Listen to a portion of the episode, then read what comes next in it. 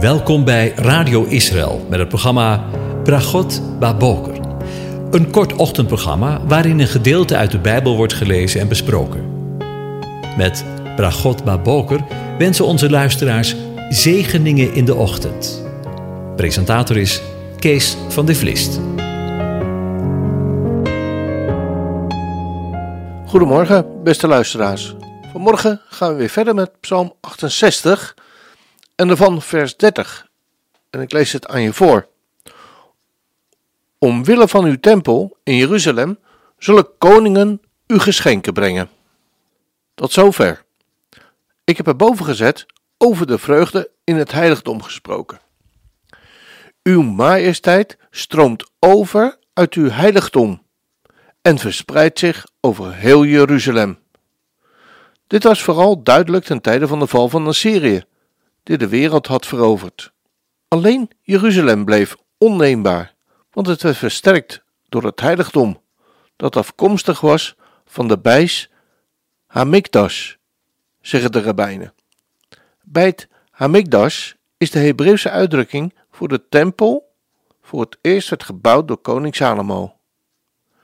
Een bayit, een huis. Een mikdash komt van kadosh, het betekent heilig. In het Tenach wordt het gewoonlijk eenvoudig het huis genoemd, waarin God in het bijzonder woont, een huiselijk beeld van de plaats van God en waar het Joodse volk elkaar ontmoette in heiligheid. De Beit Hamikdash stond 500 jaar in Jeruzalem, totdat in 586 voor Christus door de Babyloniërs werd verwoest en daarna weer vanaf 516 voor Christus totdat het in het jaar 70 na Christus door de Romeinen werd verbrand. Gedurende die tijd was het de plaats van gebed en opoffering en het centrum van het Joodse volk. Sinds de tweede Beit Hamikdash werd vernietigd, heeft het Jodendom manieren gevonden om het te onthouden, terwijl het subtiel zijn rol heeft verplaatst. Het Judaïsme kon niet doorgaan zonder de focus ervan af te wijken. Een duidelijk voorbeeld zijn de drie dagelijkse gebedsdiensten in de synagoge, die werden opgericht ter vervanging van de tempeloffers. In deze periode, na de negende van Af, spreken velen hun hoop uit op Binian Beit Hamadikwas, de wederopbouw van de tempel. Sommigen voelen zich hier ambivalent over. Dierenoffers zijn tegenwoordig vreemd aan onze religieuze gevoeligheden. Rabbi Abraham Isaac Kook, een grote autoriteit in de 20e eeuw, was van mening dat er in de herbouwde derde tempel alleen vegetarische offers zouden zijn.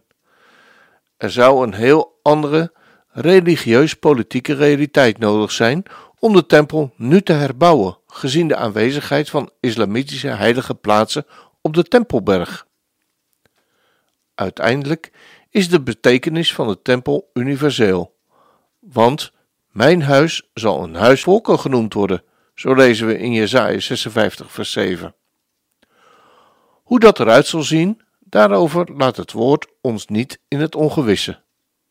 We lezen in Jesaja 56 en de vreemdeling die zich bij de Heere voegen om hem te dienen en om de naam van de Heere lief te hebben, om hem tot dienaren te zijn, alle die de Sabbat in acht nemen, zodat zij hem niet ontheiligen en die aan mijn verbond vasthouden. Hen zal ik ook brengen naar mijn heilige berg, en ik zal hen verblijden in mijn huis van gebed. Hun brandoffers en zijn slachtoffers zullen welgevallig zijn op mijn altaar, want mijn huis zal een huis van gebed genoemd worden voor alle volken.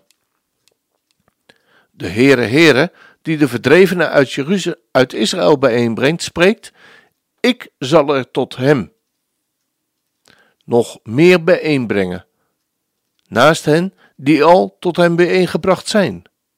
Iets daarvan zien we al als volvervulling van, de profetie, van deze profetie die ten tijde van de omwandeling van Yeshua, Jezus.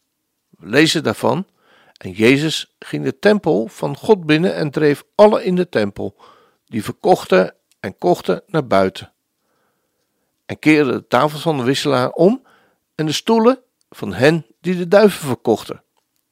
En hij zei tegen hen: Er is geschreven: Mijn huis zal een huis van gebed genoemd worden, maar u hebt er een rovershol van gemaakt. En er kwamen blinden en kreupelen bij hem in de tempel en hij genas hen. Toen de overpriesters en de schriftgeleerden de wonderen zagen die hij deed, en dat de kinderen die in de tempel riepen: Hosanna, de zoon van David, namen zij hem dat zeer kwalijk. En zeiden tegen hem: Hoort u nu wel wat deze kinderen zeggen? En Jezus zei tegen hen: Ja. Hebt u nooit gelezen, zoals het ook in Psalm 8, vers 3 staat, uit de kinderen, uit de mond van de kinderen en van de zuigelingen, hebt u voor uzelf lof tot stand gebracht?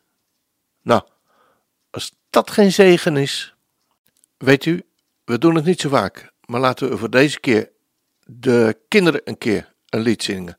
Hoger dan de blauwe luchten en de sterretjes van goud is de Vader in de hemel, die van alle kinderen houdt. We gaan luisteren.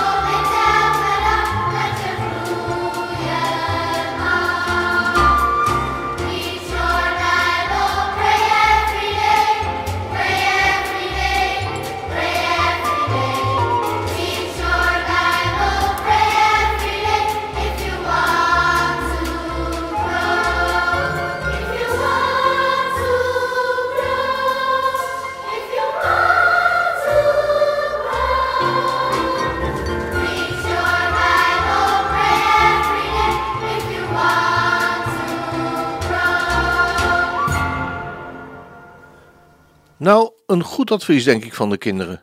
Als je wil groeien, lees je Bijbel en bid elke dag. Ik wens je een van God gezegende dag toe.